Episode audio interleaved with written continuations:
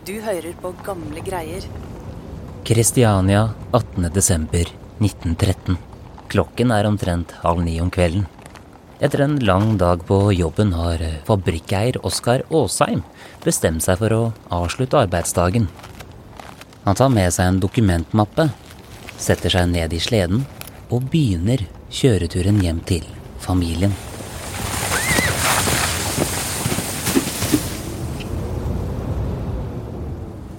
Over en time senere svinger sleden med Åsheim inn på gårdsplassen ved fabrikkeierens villa. Godt kledd for været kommer gårdsgutten ut med en lykt i hånden for å ta seg av hesten. Han hilser på sjefen, som alltid. Men denne kvelden får han ikke noe svar. Gårdsgutten ser opp på Åsheim.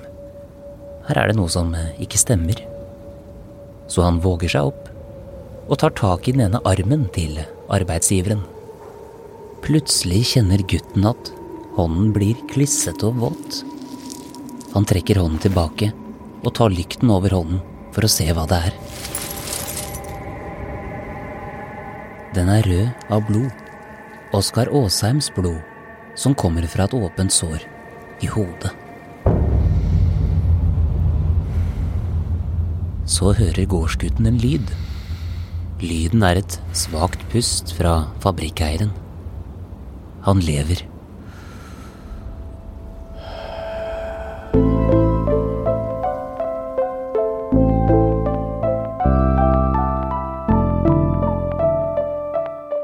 Oskar Aasheim blir sendt til en lege, men det er for sent. De neste dagene blir det iverksatt en politietterforskning, og lensmannen er ikke i tvil. Fabrikkeieren har blitt myrdet. Et kjærestepar var på måneskinnstur nedover Strømsveien da de plutselig hørte skudd. Like etter så ser de en mann komme løpende nedover veien.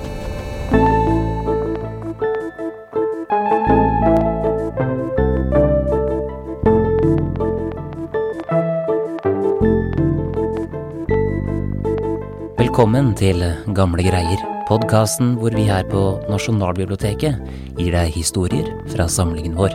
Mitt navn er Lars Hammeren Risberg.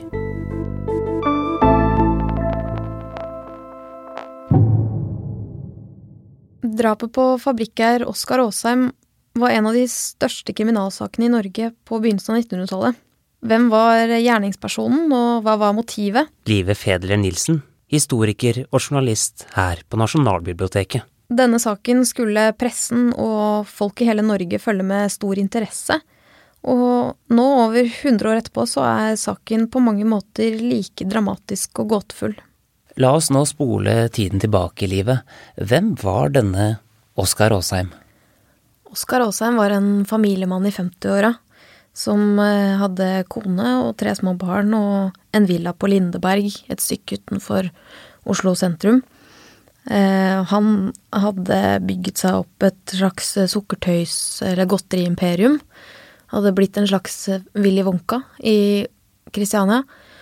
Og eh, han eh, hadde flere fabrikker, sjokolade, sukkertøy, eh, og et, flere titalls ansatte som jobba under seg. Ifølge venner og bekjente så var han en usedvanlig godt likt mann.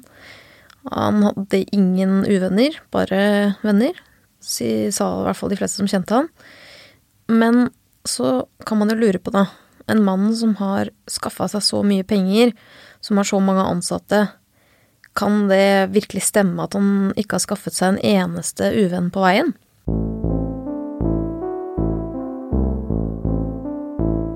Forretningsmannen Oskar Aasheim hadde bygget seg opp fra ingenting. I slutten av 20-årene etablerte han seg en sukkertøysfabrikk. Flere år senere eide han flere bakerier og fabrikker med rundt 60 ansatte. Det var en imponerende CV han hadde skapt for seg selv, men det hadde ikke vært mulig uten lange arbeidsdager år etter år. Han kom ofte seint hjem til familien sin, og det var en ganske lang tur i slede. Han likte best å ta sleden hjem, eller hest og kjerre, heller enn å kjøre toget. Og det tok omtrent en time å komme seg hjem til Eh, omtrent der hvor Alna bru ligger i dag.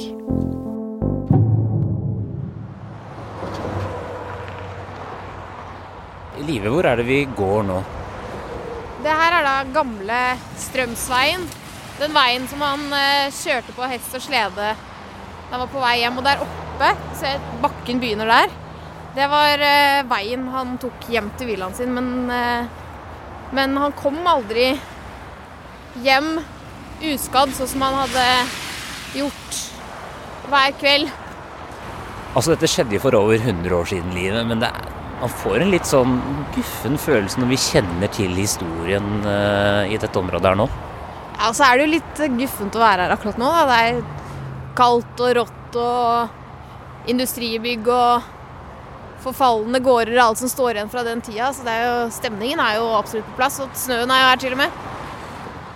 Trolig har ingen som kjører langs motorveien inn til Oslo, eller de som handler på Ikeaen på Furuset, noen som helst anelse om hva som skjedde her for over 100 år siden. Så la oss spole tiden tilbake igjen til den 18. desember 1913, da Oskar Aasheim satte seg ned i sleden og begynte den lange turen hjem til familien, rundt klokken halv ni denne kvelden.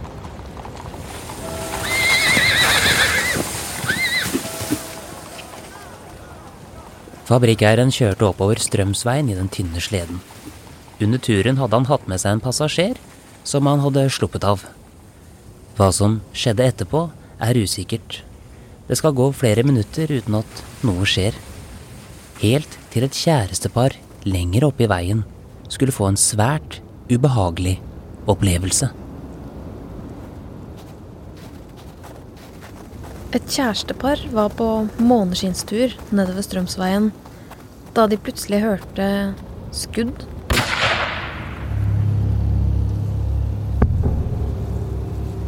Like etter så ser de en mann komme løpende nedover veien, iført en lang frakk og med en sølvbeslått spaserstokk. Hvem den mannen var, det skulle man senere prøve å finne ut av, uten hell.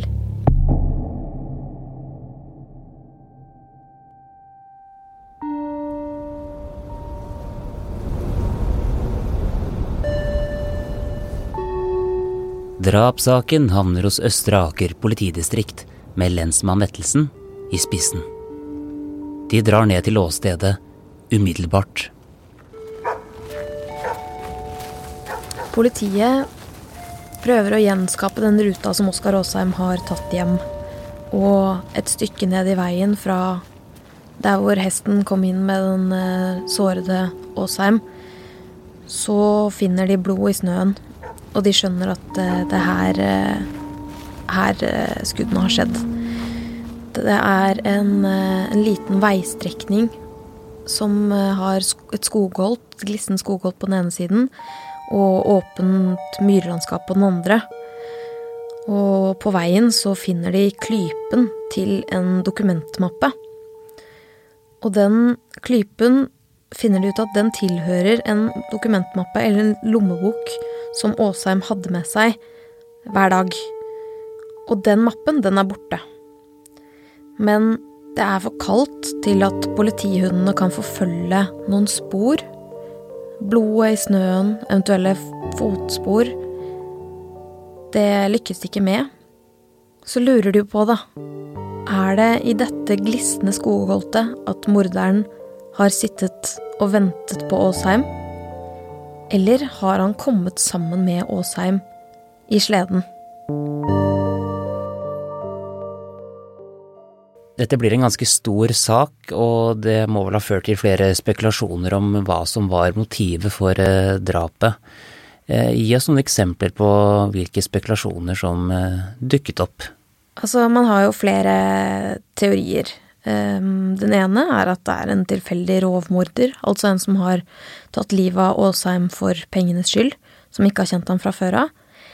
Ehm, men da er det jo litt rart at de ikke har tatt den gullklokka, og ikke minst at de har klart å snike seg innpå han mens han har kjørt den sleden oppover veien, hvis ikke de har visst om hvilke rutiner han har eller ikke kjent ham fra før av. Og så er det noen som lurer på om det kan være en av arbeiderne hans, som ikke er så fornøyd med sjefen sin. Det er blant annet en, en av pionerene i arbeiderbevegelsen, Elisif Wessel, påpeker eh, i avisene eh, til stor furore at eh, hvis det skulle være sånn at det var en av fabrikkarbeiderne som hadde tatt livet av han, så ville kanskje ikke det være helt Det ville kanskje være forståelig, da. Hun gikk så langt som å si at det til og med kanskje ville være til pass for han, som hadde utnyttet arbeidskraften deres så grovt. Men politiet begynner etter hvert å bli ganske sikre på at dette må ha vært noen han kjenner, og antageligvis noen som han har lånt ut penger til, eh, som har vært ute etter de dokumentene i den mappa som har blitt borte. Og hva som lå i den mappa, hva slags dokumenter, det lurer jo politiet veldig på. Og hvem som kan ha drept han, en mann som tilsynelatende ikke har noen fiender, det er jo det store spørsmålet, da.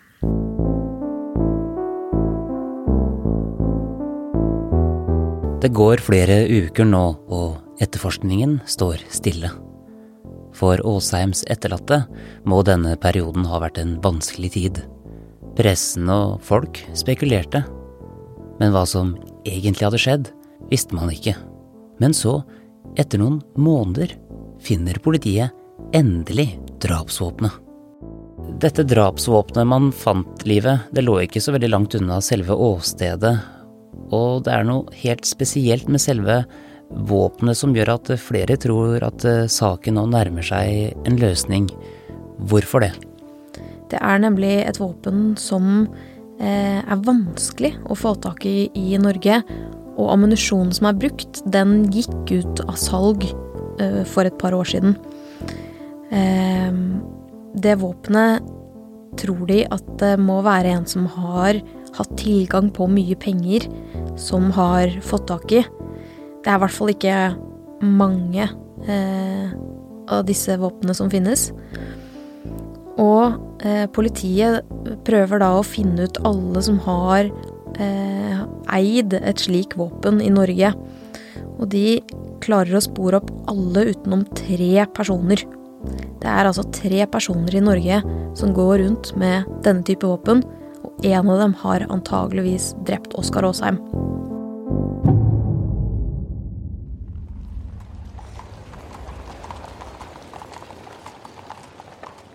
Etter godt politiarbeid i lang tid står man nærmere et gjennombrudd i saken enn tidligere. Så skjer det som ikke skulle skje. Etterforskningen stopper opp enda en gang. Politiet klarer ikke å finne ut hvem disse tre personene er. Denne tiden må ha vært frustrerende for Åsheims familie.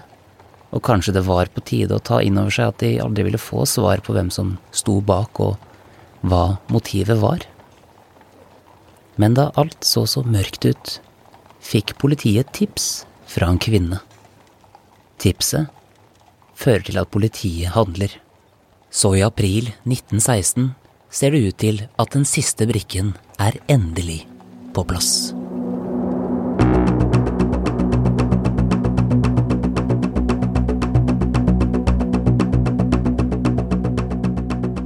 Lang-Christian er i dag siktet. Akers politi henstiller at folk som måtte ha sett siktede med revolver i tiden før mordet, må melde seg. Det er en kvinne Karen Olsen, som meget bestemt påstår at hun kjenner morderen. Hun har bodd i samme gård som ham, Sveigårds gate nummer 84. Lang-Christian, som utpekes som hovedmannen her, han, eh, han er en eh, bygutt fra Kristiania som eh, har et litt rustent, eller skittent, eller hva man skal si, rulleblad. Han er kjent hestetjuv. Og han, eh, han får ganske dårlig skussmål i, i avisene. Eh, og her er det også Det er også en litt interessant detalj her. Lang-Christian og denne unggutten, den andre som blir pågrepet, som heter Ulrik Lende, som skal være hans eh, høyre hånd på et eller annet vis, de blir altså navngitt og hengt ut i avisene eh, når de blir pågrepet. Mm, til forskjell fra eh, mistenkte som hadde litt høyere status, så var det vanligere å navngi og nærmest forhåndsdømme de som var litt lenger ned på den sosiale rangstigen, og det var Lang-Christian og Ulrik Lende. På mange måter så var de de perfekte syndebukker her. Eh, og særlig etter det vitnemålet som kommer fra en nabokvinne, som, som er det som fører til eh, pågripelsen. For hun forteller at hun har ganske sikre Hun har hørt og sett ting som gjør det ganske sikkert at det er Lang-Christian og Ulrik Lenne som har drept Oskar Aasheim. I flere år har de fornærmede i saken ventet på denne dagen. Kanskje de en periode trodde den aldri ville komme? Men nå skal saken få et endelig punktum hvis retten finner de to siktede skyldige for drapet på Oskar Aasheim.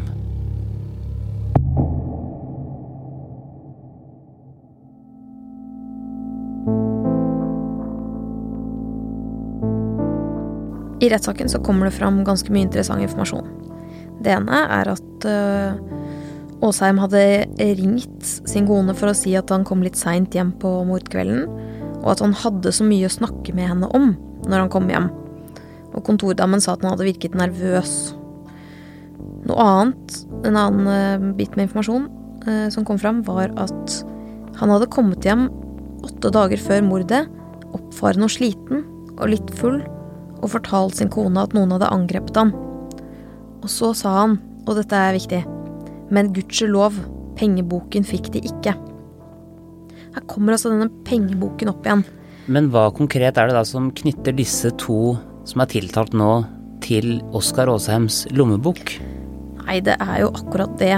Det er ingenting som knytter dem til denne lommeboken eller lån av penger, eller eh, som tilsier at de skulle ha kjennskap til Oskar Aasheim i det hele tatt. Eh, hadde dette vært et rovmord, så kunne de passa godt inn som, eh, som mistenkte.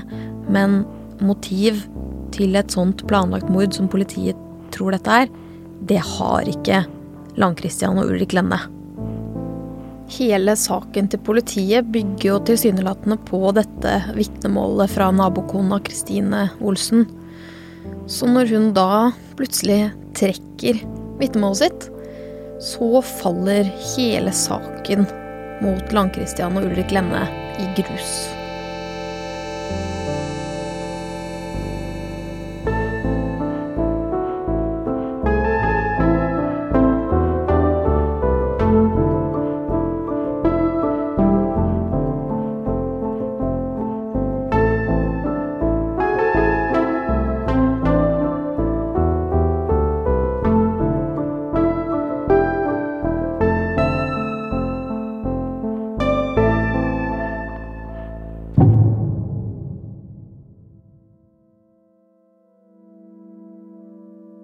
Det har snart gått tre år siden Maria Aasheim så ektemannen kjempe for livet i sleden. Men hun og barna fikk aldri svar på hvem som sto bak drapet. Det var en usikkerhet de skulle kjenne på resten av livet. Etter drapet ble Oskar Aasheims forretning solgt, og Maria flyttet med barna fra villaen. De kom aldri tilbake. Live, nå er det over 100 år siden dette drapet skjedde. Hvor sannsynlig tror du at det er at vi noen gang vil få svar på denne krimgåten? Ja, det er jo det som er så utrolig frustrerende. Vi får ikke svar. Og det må ha vært ekstremt frustrerende for eh, de som var involvert i saken òg. Selvfølgelig Marie Aasheim og barna, men også de som eh, etterforsket saken. Det var faktisk sånn at den ene av disse politimennene eh, som hadde etterforska, han sa opp jobben sin etter at denne saken ble henlagt, i sin kamp for å finne morderen, som han mente at ikke befant seg blant eh, dem som var inn og ut av fengslene, sånn som Lang Christian og Ulrik Lenne, men i Åsheims innerste krets. Men han finner aldri ut av det, og hvis det var en person i Åsheims innerste krets, så eh, Eh, røpet de seg aldri og tok med seg den hemmeligheten til graven.